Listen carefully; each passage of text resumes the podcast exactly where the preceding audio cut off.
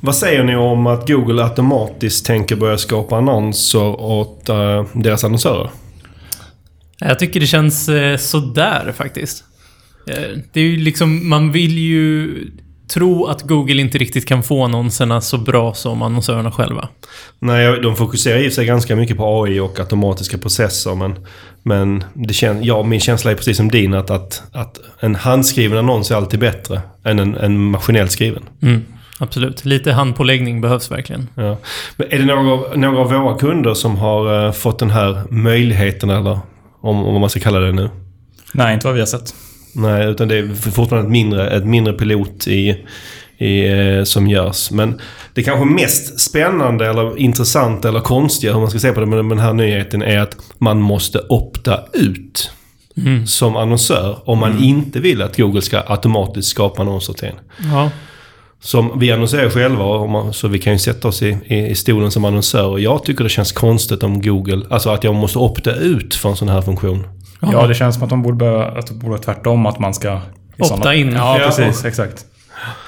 Ja, eh, vi hoppas i alla fall att du som lyssnar på Sökpodden inte optar ut efter detta intro, för nu är det dags att rulla igång dagens avsnitt. Du lyssnar på Sökpodden. En podcast för dig som gillar Google, SEO och SEM. Sökpodden görs av Pineberry. Varmt välkomna till Sökpodden avsnitt 23. Mitt namn är Mikael Wahlgren och vid min sida då sitter Mikael Berman. Hallå, hallå. Och Alexander Ökvist. Hej, hej. Hur är läget med er idag? Det är bara bra med. Det är toppen. Gillar ni snö och slask som det har blivit här i Stockholm idag? Nej. Nej, Nej det, var ingen, det var ingen roligt att vakna upp till redan tycker jag. Nej, snö är ganska trevligt men slask är väl kanske ingen höjdare. Nej. Jag har, eh, vad heter det, poddfuskat lite sen senast. Jag var med i en podd som heter Säljpodden. Det var väldigt trevligt med Mattias Hillestrand. Så det känns lite konstigt för då var jag liksom på andra sidan där ni sitter lite mer i expertrollen och inte den som driver samtalet. Så att mm. jag ska få hoppas att jag kommer ihåg eh, hur man gör när vi sitter här idag. Mm. Och vill ni lyssna på den Säljpodden förresten så finns den där poddar finns. Eh, vi snackar såklart om hur man lyckas på Google och även lite om de här t-shirtsen som, som jag brukar ha på mig här i podden. Just det. Lite cliffhanger. Eh, våra tre ämnen idag, det är röstsök. Sen går vi vidare till Google Shopping. Och så avslutar vi med att prata om utbildning inom, inom sök, inom SEO, SM och Facebook. Och vi brukar så här inledningsvis snacka lite lyssnarsiffror. Och vi använder lyssnarsiffror lite för att bedöma att vi gör saker rätt eller bra. För att det är ju ändå något form av konkret bevis. Plus dessutom att vi, vi alla här älskar statistik, eller hur? Mm, precis. Och i januari så kom vi upp i 20, 2000, eller 2034, 2300 2034 förlåt, eh, lyssnare. Och det är en, en, ökning med nästan 100% sen eh, året innan. Vad tror ni? Kommer vi öka 100% till, till nästa år? Är det ens möjligt? Jag hoppas det. Ja, absolut. Det har ju gått ganska bra hittills. Som vi nämnt tidigare så finns det en ganska stor longtail-effekt av att, att göra poddar. Man får massa lyssningar för att man har en stor backlog av avsnitt. Men själv är jag lite, jag är lite, mer, jag är lite skeptisk. Jag skulle nog vara ganska nöjd om vi ökar, lyckas öka med 50% på ett år. Men vi får väl se. Eh, men då hoppar vi raskt till dagens första ämne som är röstsök. Eh, använder ni det själva? Jag gör inte det i alla fall, speciellt mycket. Mm. Jag använder väl inte röstsök på det sättet att jag, jag googlar, men jag använder Siri i iPhone till att eh, ställa alarm och sätta på timers och eh, eh, lägga in påminnelser i kalendern. Så på ett sätt så känns det ju som att jag använder röstsök, även om det inte är så mycket sök i sökmotorer än så länge i alla fall. Mm. En, en ganska intressant siffra när det gäller röstsök, för det pratas väldigt mycket om röstsök på olika sökkonferenser och sådär. Och jag personligen upplever inte som att det, som är, som är så, att det är en så stor grej här i Sverige i alla fall. Men i mm. USA säger Google själva att 20% av googlingarna eh, från mobilen är röstsökningar. Och när vi, vi pratade om det här, här om veckan så Pontus som brukar vara med här i podden, han uh, uttryckte att han var lite skeptisk till att den siffran, alltså att den kan stämma och jag känner väl likadant. Känns det, alltså, känns det som att det kan vara 20% att att det är 20% av de som googlar via mobilen i USA som, som använder röstsök. Svårt att säga alltså. det jag. låter ganska högt tycker jag rent spontant. Ja, jag tycker det, det känns konstig siffra. Samtidigt kan man ju också ifrågasätta i så fall varför skulle Google gå ut med om det inte stämmer? Jag menar, det, det känns nästan som att det är lite mot deras agenda på ett sätt kanske att eh, voice search skulle växa. Kan man tänka sig för att det kanske är Att de svårare inte för tjänar dem. lika pe- pengar. och så. Exakt, exakt. Eh, och de säger ju att det är, det är de yngre målgrupperna som, eh, där det växer mest och de säger att det är framförallt liksom, eh, tonåringar som använder röstsök mest. Men det ligger också lite i deras natur att, att pusha den här typen av liksom tekniska innovationer. Eller, äh, äh, även om de kanske inte alltid är så stora som de själva vill. Äh, vi gjorde här en liten ovetenskaplig undersökning bland de anställda hos oss. Där jag frågade på Slack om man använder röstsök. Och eh, alternativen var aldrig, ibland och regelbundet. Och det var av de som jobbade här så var det 30 som svarade. Och då var, svarade 26 stycken att de aldrig använder det. En ibland och tre regelbundet. Eh, och då ska man ju betänka att vi är, vi är relativt, eh, kanske inte jag, men snittåldern här är relativt låg. Och vi jobbar ju med det här. Mm. Och eh, den, absoluta majoriteten använder det aldrig. Så det känns som, ä- om det nu skulle stämma att röstsök är 20% i USA så är det ju inte det i Sverige i alla fall. Nej, Nej, det, absolut inte. Utan det är liksom en bråkdel. Det kanske är, jag skulle, om jag fick gissa så skulle jag säga att det är nog mindre än 1% av sökningarna som är, är via röstsök. Mm. Hur tycker ni när ni väl röstsöker? Hur tycker ni det fungerar? Fungerar det bra? De gångerna jag har provat det blev jag faktiskt förvånad. Det funkade väldigt bra tycker jag. Ja. Eh, både med första frågan och även om man ställer en följdfråga eh, i röstsöket så får man ett bra svar tycker jag. Mm. Eh, och den, ja, men den, den snappar upp orden bra tycker jag. Ja. Faktiskt. Det är ju lite intressant egentligen om man tänker på det. Jag har inte tänkt på innan men, men det finns ju en logik i röstsöket. Att om man ställer en fråga som förstår den vid nästa fråga, alltså sammanhanget. Men så är det ju inte om man googlar vanligt. Nej. Nej, Då- inte då gör, alltid. nej, då gör den inte på samma sätt. Liksom. Det är som att den är lite mer avancerad. Mm, precis. Vi behöver lite mer rank brain helt enkelt. Ja. Och själv, själv tycker jag väl att, den, att det funkar så, så där, men det kanske beror på min, min skånska, liksom, att den, den har svårare att förstå det. jag tycker ibland får jag, alltså är det klart, förstår den exakt vad jag säger när jag testar det. Och ibland förstår den inte, blir det helt tokigt liksom. Jag tror att det beror på det R-ljudet tror jag i så fall. Du tror det? Ja, den, ja, den känner inte igen R-ljudet. Kanske det som är problemet. Vilka, vilka vi som, som då ändå ibland gör röstsökningar, du kanske framförallt Micke som, som gör det ibland. Vilken typ av sökningar gör du när du gör röstsökningar? Nu innan, bara för att testa det mer ordentligt inför den här podden, så testade jag ju hur gammal är drottning Silvia? Bara för att liksom testa någonting. Och eh, det funkade ju himla bra. Så det är en sån här klassisk informationssökning. Hur gammal är Barack Obama liksom? Ja. Ehm, så det är ju en bra, bra sak att, att, att testa. Så det är, det är väldigt mycket tyngd på informationssökningar ge- generellt ju med röstsök och kanske också lokala sökningar då. eh, Med var ligger den här platsen, hur långt är det till den Mm. platsen och så vidare. Var ligger närmaste pizzeria och sådär. Och, och, och sen informationssökningar, det är många sådana kanske kallade Wikipedia-sökningar. Att man vill ha reda på någon snabb fakta. Eh, och då, då funkar ju röstsöket relativt bra. För testar man lite andra generella sökningar så, så blir det, funkar det ju inte alls. Nej, och jag tror att om, när man gör röstsök så vill man ju ha svar ganska omgående. Man är inte beredd att göra samma research heller. Så det, du vill ha ett snabbt svar direkt. Och så det man också kan se då från ett, eh, eh, från ett företagsperspektiv och om man ser på liksom sin synlighet på Google så att den typen av sökningar som görs är ju kanske inte den som företag tjänar pengar på direkt utan det är ju en annan typ av sökningar. Precis. Ja, men det är mycket mer tyngd på informationssökningar och det är inte så mycket kommersiella sökningar på Nej. samma sätt. Nej. Går det på något sätt att se hur, mycket, hur stor andel av ens eh, trafik eh, som är eh, vad heter det, röstsök idag? Eh, inte i nuläget i alla fall. Nej. Det gör det inte. Nej, jag läste, jag läste liksom, jag tror jag läste för ett tag sedan att John Mueller, eh, jag tror det var någon gång under förra året, att han hintade lite om eh, Googles då, John Mueller, att, att det var på gång att det skulle komma till Search Console. Att man kan se andelen, ungefär som man kan se andelen mobiltrafik, så kan man, skulle man då kunna se andelen röstsök. Men det har inte kommit ännu. Nej. Det skulle vara intressant att se, för det kan ju vara att vi har helt fel. Det kan ju vara att, att det är många, mycket mer röstsökningar i Sverige än vi tror. Men min gissning är att, att när det väl datan kommer så kommer det inte vara jättemånga. Mm. Det blir spännande att se. Vad skulle ni säga innebär... Det snackas som sagt jättemycket om röstsök på de här olika konferenserna. Det är någonting man måste förhålla sig till. Men vad innebär det egentligen för SEO skulle ni säga? Inte så jättemycket i Sverige än så länge ska jag säga. Eh, utan fortsätta optimera som vanligt. Kanske lite mer långtailord i sådana fall som man skulle kunna optimera för. Eh, för att fånga upp de där kanske vad är eller hur, alltså den typen av sökningar. Ja, och li- lite då som att man har snackat om efter både Hummingbird och RankBrain att man måste tänka lite... Ha lite mer bredd i innehållet Ja. för att kunna Mm. fånga upp Ja. den typen av sökningar Ja. också. Kanske göra en FAQ till exempel med lite frågor och svar. Där det finns med just den typen av ja, men, frågor som, som man använder vid röstsök. Så Anpassa innehållet för att svara på frågor helt Ja, enkelt. precis. Ja. Så det är på inget sätt så att röst, vad vi tror i alla fall, att röstsök revolutionerar hur vi gör SEO. Utan vi kommer, man kommer ju fortsätta göra det på ungefär, på ungefär samma sätt. Ja. En, en detalj som kanske, jag tror kanske kan bli lite viktigare är det här med strukturerad data.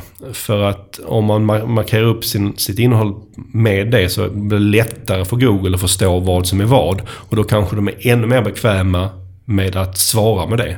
När man ställer en fråga. Mm. För att de vet, ja men här är svaret. Alltså det, här, det blir lite enklare för Google att, att vara säkra på att de svarar rätt. Mm. Eh, och, och tänker man lite längre på sikt så kan det ju också krävas att, att man, man på något sätt kopplar på tjänster på det här. Jag vet, du nämnde någonting Alexander, du, du kör Google Home eller har testat Jag har det? testat det. Ja. Eh, och, och, där, och där kan du, det, ja, det, där, där kan du göra det på ett annat sätt liksom, och använda det i mer vardagen. Ja. Eh, precis.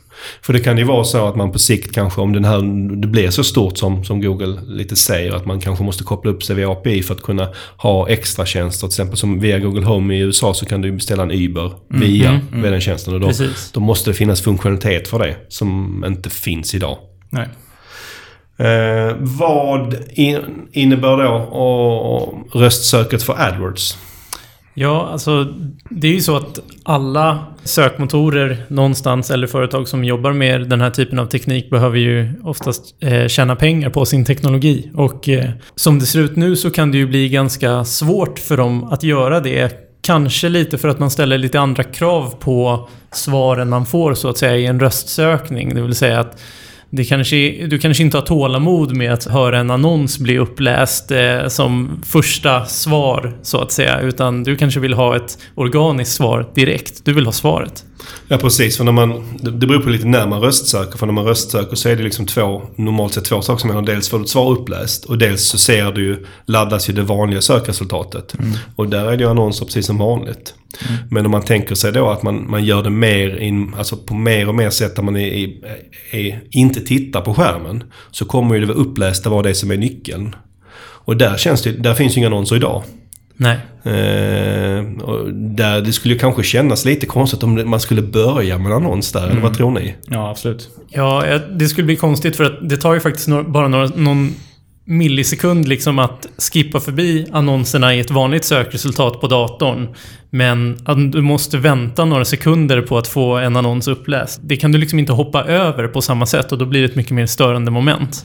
Det kan ju vara så att man på sikt kanske eh, sök, röstsöker efter var ligger närmaste pizzeria och så får man uppläst Detta är en annons. Pizzeria Vesuvio ligger 200 meter bort. Men det känns ju konstigt på något sätt. Och man, de kommer ju också bara kunna ha en annons eller för det känns ju konstigt att de, man fyller på med jättemånga annonser liksom. Man kommer ju inte kunna få den här eh, fördelningen mellan, som man ser idag, med, med ett antal annonser och ett antal organiska resultat. Mm, precis. Eh, nej, men det är en svår balans det där. Hur många organiska och köpta resultat eh, ska man få? Och det är väl det de har svårt att få till.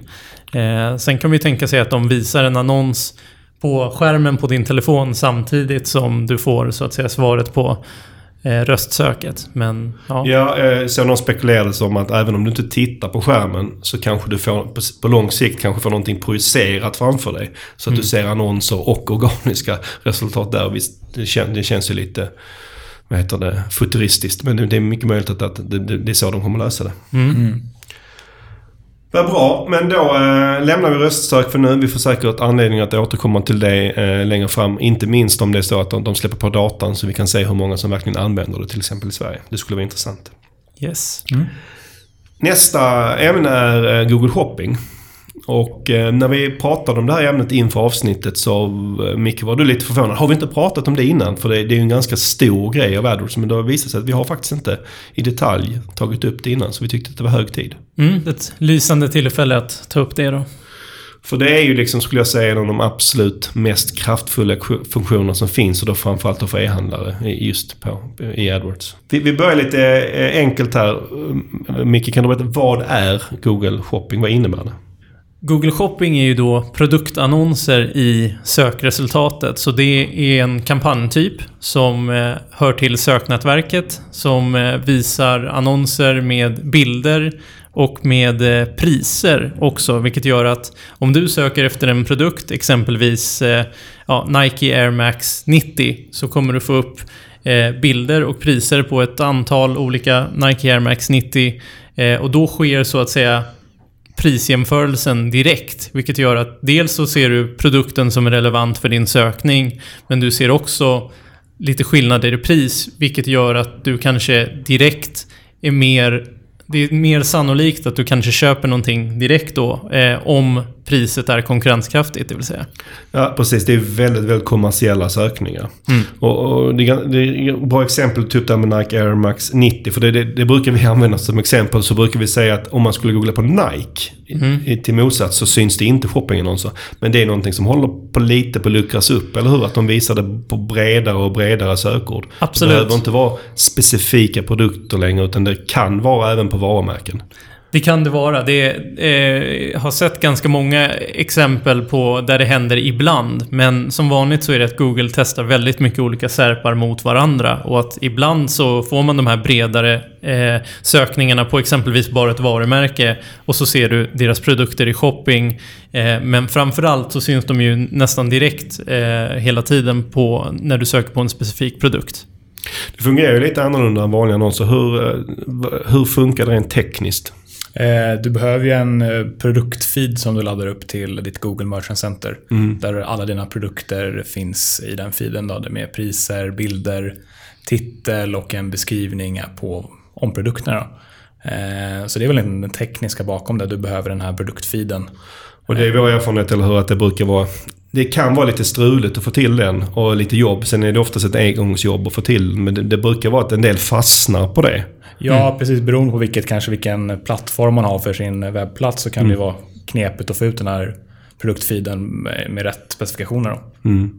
Men med tanke på hur kraftfullt shopping är så, så, tycker jag att det här är ett hinder man som e-handlare i alla fall ska försöka, om man inte redan har gjort det, att man ska försöka komma över det. För att det finns mycket att tjäna på, på att, att, att annonsera på, på Absolut, absolut. Och sen finns det ju inte annonsgrupper på samma sätt som i vanliga kampanjer, eller hur? Nej, precis. Eh, annonsgrupper för shoppingkampanjer innehåller då produktgrupper eh, istället som är, är då grupper av produkter eh, från din feed din produktfeed som består av helt enkelt ditt sortiment. Eh, och man får välja lite själv hur man vill strukturera upp de här eh, produktgrupperna så att säga. Om man vill ha eh, bara kategorier av till exempel varumärken eller skor om man vill eh, upp, dela upp produkter på det sättet. Eller om man vill ha mer specifikt eh, produktgrupper bestående av eh, bästsäljare exempelvis. Eh, det finns många olika sätt att dela upp det på. Och en till anledning till varför det här är så bra är att på ett sätt kan man säga att Google Shopping roffar ju åt sig de nästan bästa sökningarna som finns. De absolut mest kommersiella sökningar som är närmast köp. Mm. Så det är ju liksom egentligen lite dopat. Mm. Eh, så det är ju egentligen kanske inte då tekniken bakom shopping som är så fantastiskt utan det är egentligen det faktum att de tar de bästa sökningarna. Mm. Så de får oftast liksom den bästa utrymmet på de bästa sökningarna. Mm. Uh, och sen dessutom det här med att en bild säger mer än, än tusen ord. Och, och, och så att, att, det blir ju så extremt effektivt. Alltså det är så många som klickar som köper. Mm. Och där blir det extra viktigt att ha en väldigt bra produktbild och ett konkurrenskraftigt pris. För det är det första du ser i annonsen, där bilden och priset. Ja. Det är det man jämför med. Ja, vi brukar ju säga så här att om man inte har ett konkurrenskraftigt pris, då, då, då är det faktiskt inte lönt med shopping. För då kommer man sannolikt inte sälja speciellt mycket eller få mycket klick. För att det är ju ingen som, om det är exakt samma vara som visas, det är ingen som vill köpa en vara som kostar ett par hundra kronor mer. Nej. Nej, det, det precis. Så det, liksom, det, kan vara värt att testa, men har man inga konkurrenskraftiga priser så är det kanske ingen idé på lång sikt eh, om man märker att det inte funkar. Mm. En sak med shopping som är lite, det är ju så lite klassiskt Google också för att Google marknadsför ju lite det här, mm, kanske med rätta, att det är liksom, okej okay, man sätter upp sin feed och sen bara tuggar det på och sen behöver man inte göra så mycket. Och det är väldigt lätt då som e-handlare att man gör det väldigt enkelt för sig. Man kanske ser shopping på samma sätt som man ser att det, det är som ett enskilt sökord. Du gör vissa justeringar här och där men, men, men Mm. du gör inte så mycket. Men det är ju lite fel sätt att se på det, eller hur? Mm, absolut. Nej, men det är, ju, det är ju ganska lätt att det blir någon slags set and forget eh, tänk på shopping för många e-handlare där de Mm. liksom skapar en kampanj med hela sitt sortiment och sen låter den rulla på. Eh, men de har ju, finns ju jättemycket mer lönsamhet att hämta hem om man så att säga gör det lite mer strukturerat. Men vad skulle ni säga är de viktigaste sakerna att optimera för i, i, eh, i Google Shopping? Viktiga saker är dels att dela upp, dela upp produkterna i kategorier och se vilka produkter är lönsamma och vilka inte är lönsamma och kanske plocka bort de som inte är lönsamma. Eh, och också kolla på, på sökorden. Vad söker folk efter? Lägg till negativa sökord om det är eh, om du driver trafik som inte, inte säljer helt enkelt. Mm. Ja, för det är ju liksom ganska, kanske för, för vissa, självklart att om man har sökord som inte levererar i det, i, i det vanliga, bland de vanliga, i vanliga söknätverket så plockar man bort dem eller minskar buden och sådär. Men här tänker man inte alltid likadant utan du kan ju ha en del produkter som bara ligger där som inte presterar. Som ändå liksom äter budget. Eh, Men de, på samma sätt som man plockar bort sökord i, i, va- i vanliga söket så måste man ju plocka bort produkter här som inte, som inte levererar. Absolut. Nej, så det är väldigt underskattat att använda negativa sökord i Google Shopping-kampanjer. Mm. Vad, vad, vad, vad, hur, tänker man likadant kring negativa sökord? Vad, vad skulle vara exempel på bra negativa sökord här? Ja, men om man märker till exempel att, någon, att det söks mycket efter billiga Nike Air Max 90 och man helt enkelt inte råkar vara så billiga på det, men att man ändå har ett bra och brett sortiment. Ja, då kanske sökordet billiga är ett bra negativt sökord att lägga till. Och sen själva produktfeeden. Den, det finns ju mycket att göra med den och optimera den också. Vad är de viktigaste sakerna där? Det viktigaste är väl främst eh, titeln på, på själva produkten då, och sen även beskrivningen där man har en mer utförlig beskrivning om produkten. Eh, och framförallt bilder, ha bra, bra produktbilder. Eh, bra upplösning och tydliga på produkten helt enkelt. Och det, det som är viktigt med då titeln och beskrivning såklart att nämna de orden som man tror är relevanta att synas på. För annars kommer inte Google riktigt kunna matcha ihop det med, med de här kommersiella sökningarna. Precis. Sökordet i titeln är viktigt. Och sen, det är en aktuell sak med feeden också som, håller- som håller på att ändras som är en risk. Eh, vad heter det? G-tin eller Ja, G-tin? precis. G-tin. Ja. Ja, det är ju så att eh, Google lägger ju hela tiden till nya krav på vad du behöver ha i din feed för att det ska fungera. Och eh, det här är ju faktiskt någonting som blir lite komplext för, eh, för många annonsörer helt enkelt för att det, de här nya kraven dyker upp och att man måste då... Det är, det är ett ganska omfattande arbete för vissa annonsörer att, eh, att redigera sin feed. Eh, det här med G-tins handlar ju då om att eh, det finns eh, speciella produktkoder för produkter som säljs globalt. Eh, som då kallas eh, G-tins. Det står för Global Trade Item Number.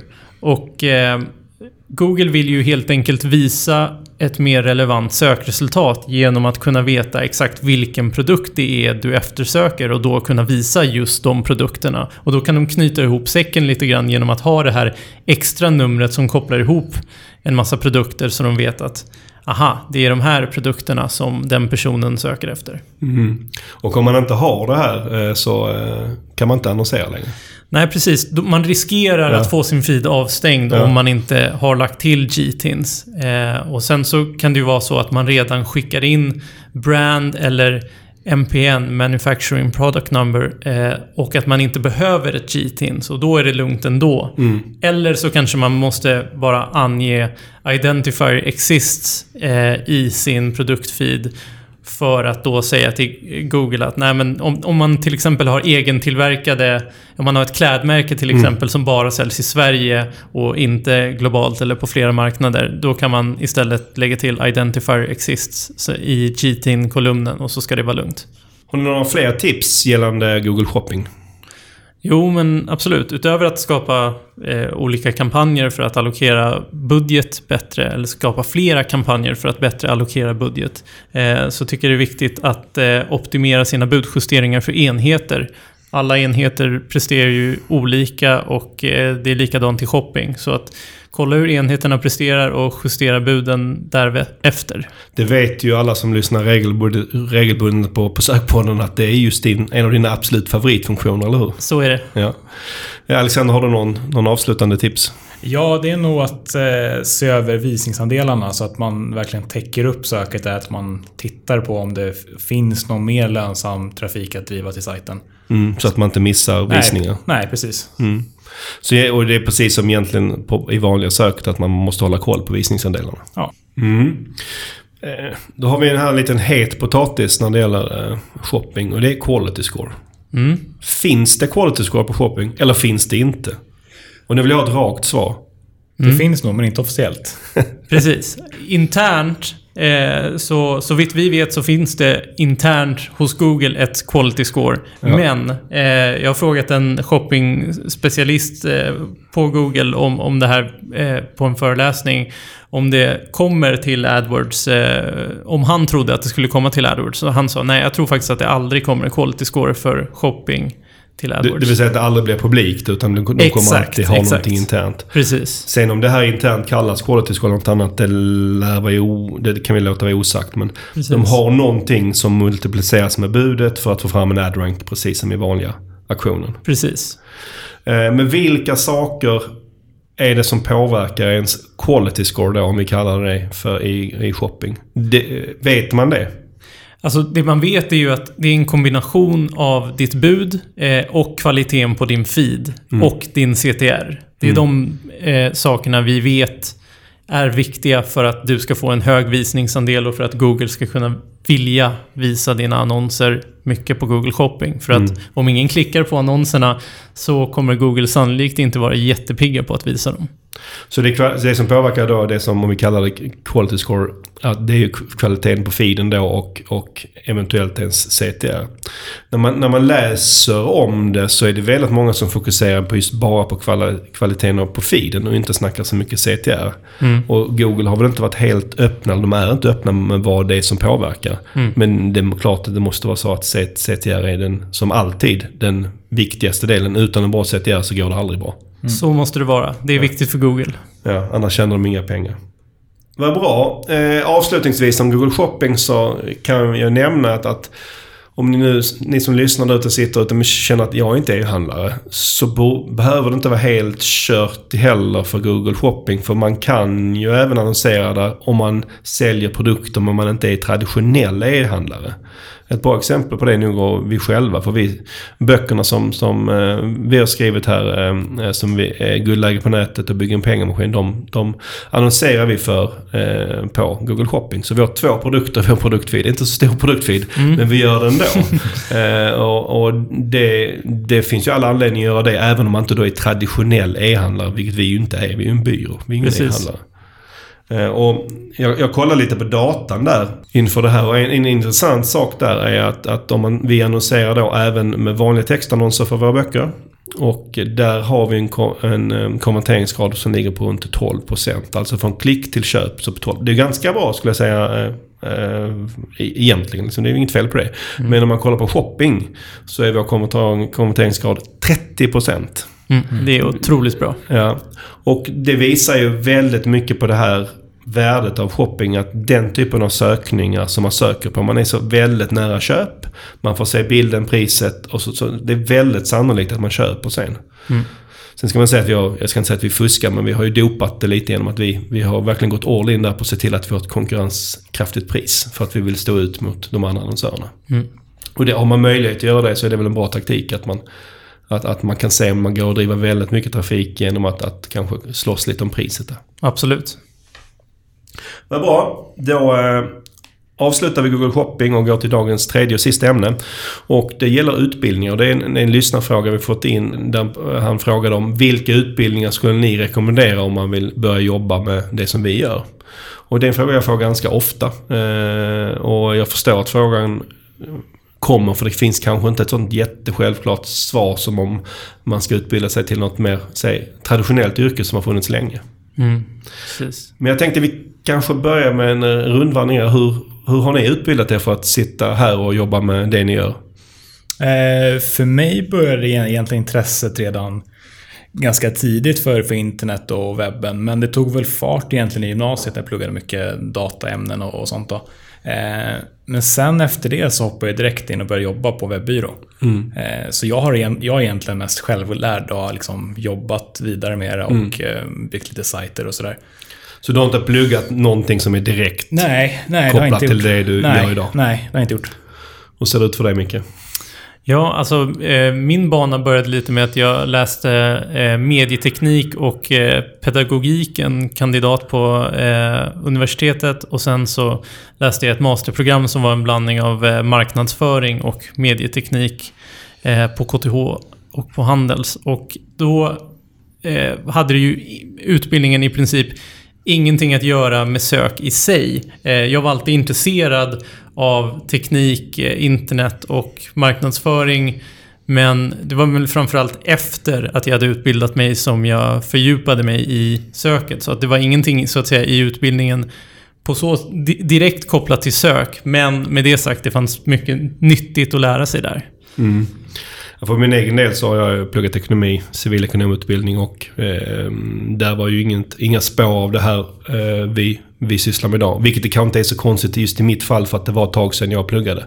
Eh, då var inte Google speciellt stora. Ehm, så att vi kan väl säga att vi alla tre är självlärda och det är väl ganska vanligt skulle jag säga att de flesta i branschen är självlärda även om det börjar ändra sig lite mer att det är fler som har utbild, mer relevanta utbildningar sen när de kommer in. Mm. Men just det vara självlärd skulle jag säga att det är en väldigt bra, jag tycker det är oftast en väldigt bra egenskap för då har man praktiskt testat det vi gör också. Mm. Som vi har väldigt många anställda konsulter som eh, har eh, eh, lagt ner en hel del tid som affiliates innan de börjar här. Och det är ju ett väldigt bra sätt skulle jag säga att lära sig SEO. Kanske det bästa sättet att lära sig SEO på. Det är lite svårare med AdWords och Facebook att lära sig på det sättet för då måste du ha en budget och det är liksom, det är som hönan och ägget. Det är lite svårt. Man kan inte bara lägga in tid utan då måste du ha lite pengar. Så att det är lite svårare att lära sig själv AdWords och, mm. och Facebook skulle jag säga. Mm. Precis. Det är nog ofta man lär sig det på ett jobb helt enkelt. Mm. Ja. Vad bra, men det finns ju numera idag en del utbildningar som är lite mer specifika och framförallt är det då YH-utbildningar, yrkeshögskoleutbildningar. Eh, och det, jag upplever under de åren jag har jobbat så har det växt fram mer och mer. Eh, fler och fler sådana utbildningar. Det, är, det tycker jag är väldigt kul att se. De, här, nu är det här lite, blir det här lite Stockholmsfokuserat för det är där vi är och har bäst koll. Men eh, här finns det ju både Medieinstitutet och Akademin som är YH-utbildningar. Eh, som har utbildningar som är eh, i alla fall berör de ämnena som vi, vi eh, sysslar med. Och vi har ju själv utbildat på båda de här två. Vi gör det mm. lite då och då. Och det, det, jag skulle säga att det känns som att det är, det är bra utbildningar att gå om man, om man vill in i det här området, eller hur? Absolut. Uh, och jag vet att vissa av dem, till exempel Medieinstitutet, finns både i Göteborg och Malmö. Så det, det finns ju ute i, i, i landet också. Och jag skulle säga av alla de utbildningarna jag känner till, den som är mest spot on är ju nog den som heter online marknadsförare. Som är på Medieinstitutet som är en ett och ett halvt års lång utbildning. Det finns, vad jag vet, där får några gärna någon lyssnare rätta mig om, jag, om, om de vet om det, men det finns ingen så 100% specifik utbildning för SEO, SEM eller Facebook som bara sysslar om det. Eller handlar om det. Däremot så vet jag att det snackas om det. Eh, och det är en del som funderar på att, att ta fram en sådan. Men jag tror inte kanske underlaget har varit tillräckligt stort nu. Så jag skulle tycka det var fantastiskt om det kom fram en sån utbildning. Och jag hoppas att det kanske kommer om, om något år eller så. Mm, det vore mm. bra. Eh, sen finns ju också även andra ställen som till exempel Bergs. Eh, som har utbildningar inom, inom... Det kanske inte är 100% det vi jobbar med, men där det också berörs. Och det, det, är också moderna digitala utbildningar. Så det är väl också ett bra sätt om man vill in i den här branschen att, att titta in vilka utbildningar som finns, finns där, skulle jag säga. Sen har vi väl även IOM som har eh, en del digitala utbildningar också. Absolut. Både kurser och IH tror jag. Ja, och det finns väldigt många, alltså just, just lite mer breda digitala utbildningar upplever jag att det växer fram fler och fler och, och, jag upplever att många av dem känns ganska bra och relevanta. I alla fall när vi är ute och gör lite gästspel på dem. Mm. Eh, det är väl det som kanske saknas där fortfarande. Det är någon som är 100% det vi gör. Mm. Ja, och det, det är faktiskt någonting som jag tycker är himla spännande med den här branschen, att alla har så himla olika bakgrunder. Jag tycker Ja. alltid det är intressant att höra vad någon har gjort innan de eh, börjar jobba med sök helt enkelt, för att det, det kan vara jätteolika. Och sen då nästa steg är liksom akademiska utbildningar. Finns det några akademiska utbildningar som ni vet som, som, som berör det vi gör på något, på något vettigt sätt? Ingen som är så specifik mot SEM, eller den biten i alla fall vad jag känner till som finns. Nej, inte jag heller. Jag vet, jag brukar fråga de som har gått en akademisk utbildning som har börjat här och sådär. Och som har gjort det i nutid. För min, som sagt, min akademiska bana var lite länge sedan. Och när man frågar dem om de pluggade till exempel marknadsföring. Vad berörde ni AdWords eller, eller Facebook eller sådär? Så säger jag nej, det, det, de flesta gångerna tas det inte upp överhuvudtaget. Om det tas upp så är det väldigt lite. Och en utmaning där när det gäller akademiska utbildningar är väl att det, det bygger väldigt mycket på forskning.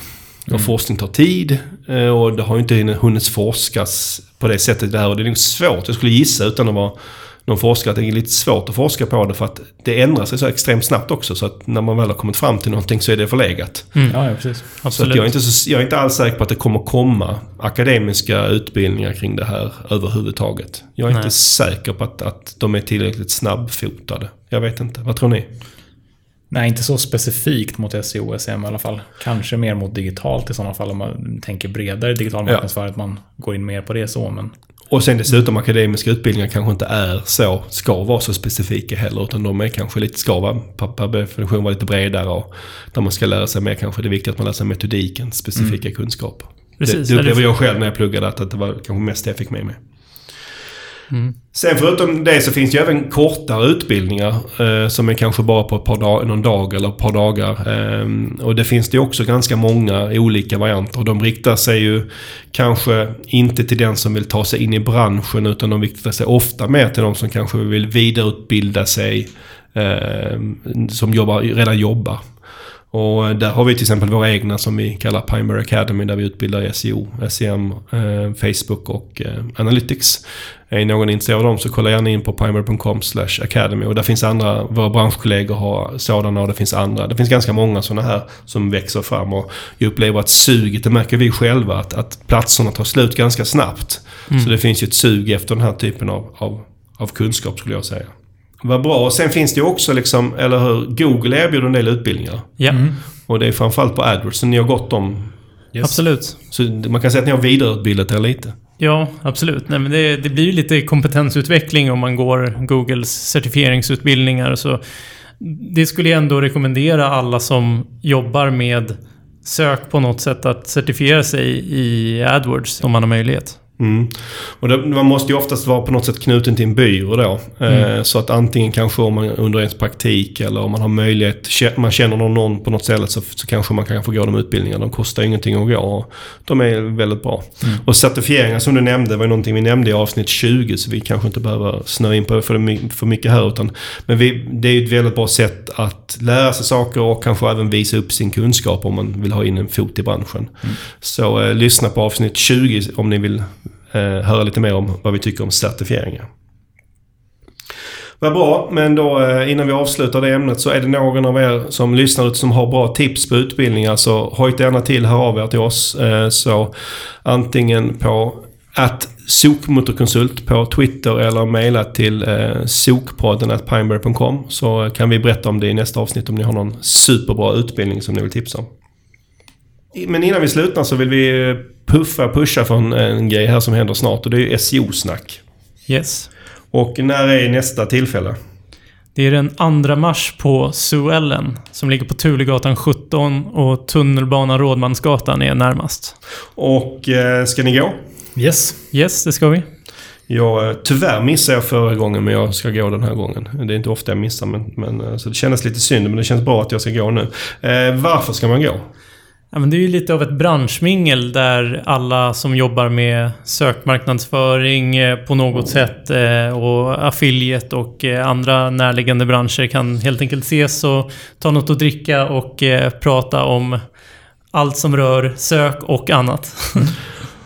Ja, och är det så som, som eh, vår lyssnare frågade om ett bra sätt att ta sig in i branschen gällande utbildningar så kanske ett ännu bättre sätt är att dyka upp på, på, på SEO-snack och, och prata med folk. För det är väl kanske det, det, det effektivaste sättet att få höra om, om vad man, vad man kan, var, var man kan lära sig saker och ting och kanske få en fot in på något ställe. Verkligen. Och eh, jag vill också nämna innan vi slutar här att vi kommer inte sluta med sökborden. Men under mars så kommer avsnittet komma lite senare än vanligt. Ni behöver inte vara oroliga. Det kommer först den 30 mars nästa avsnitt. På grund av att vi måste få upp våra agendor. Men tills dess så sköt om er och eh, lycka till i Särparna. Ha det fint. Hejdå!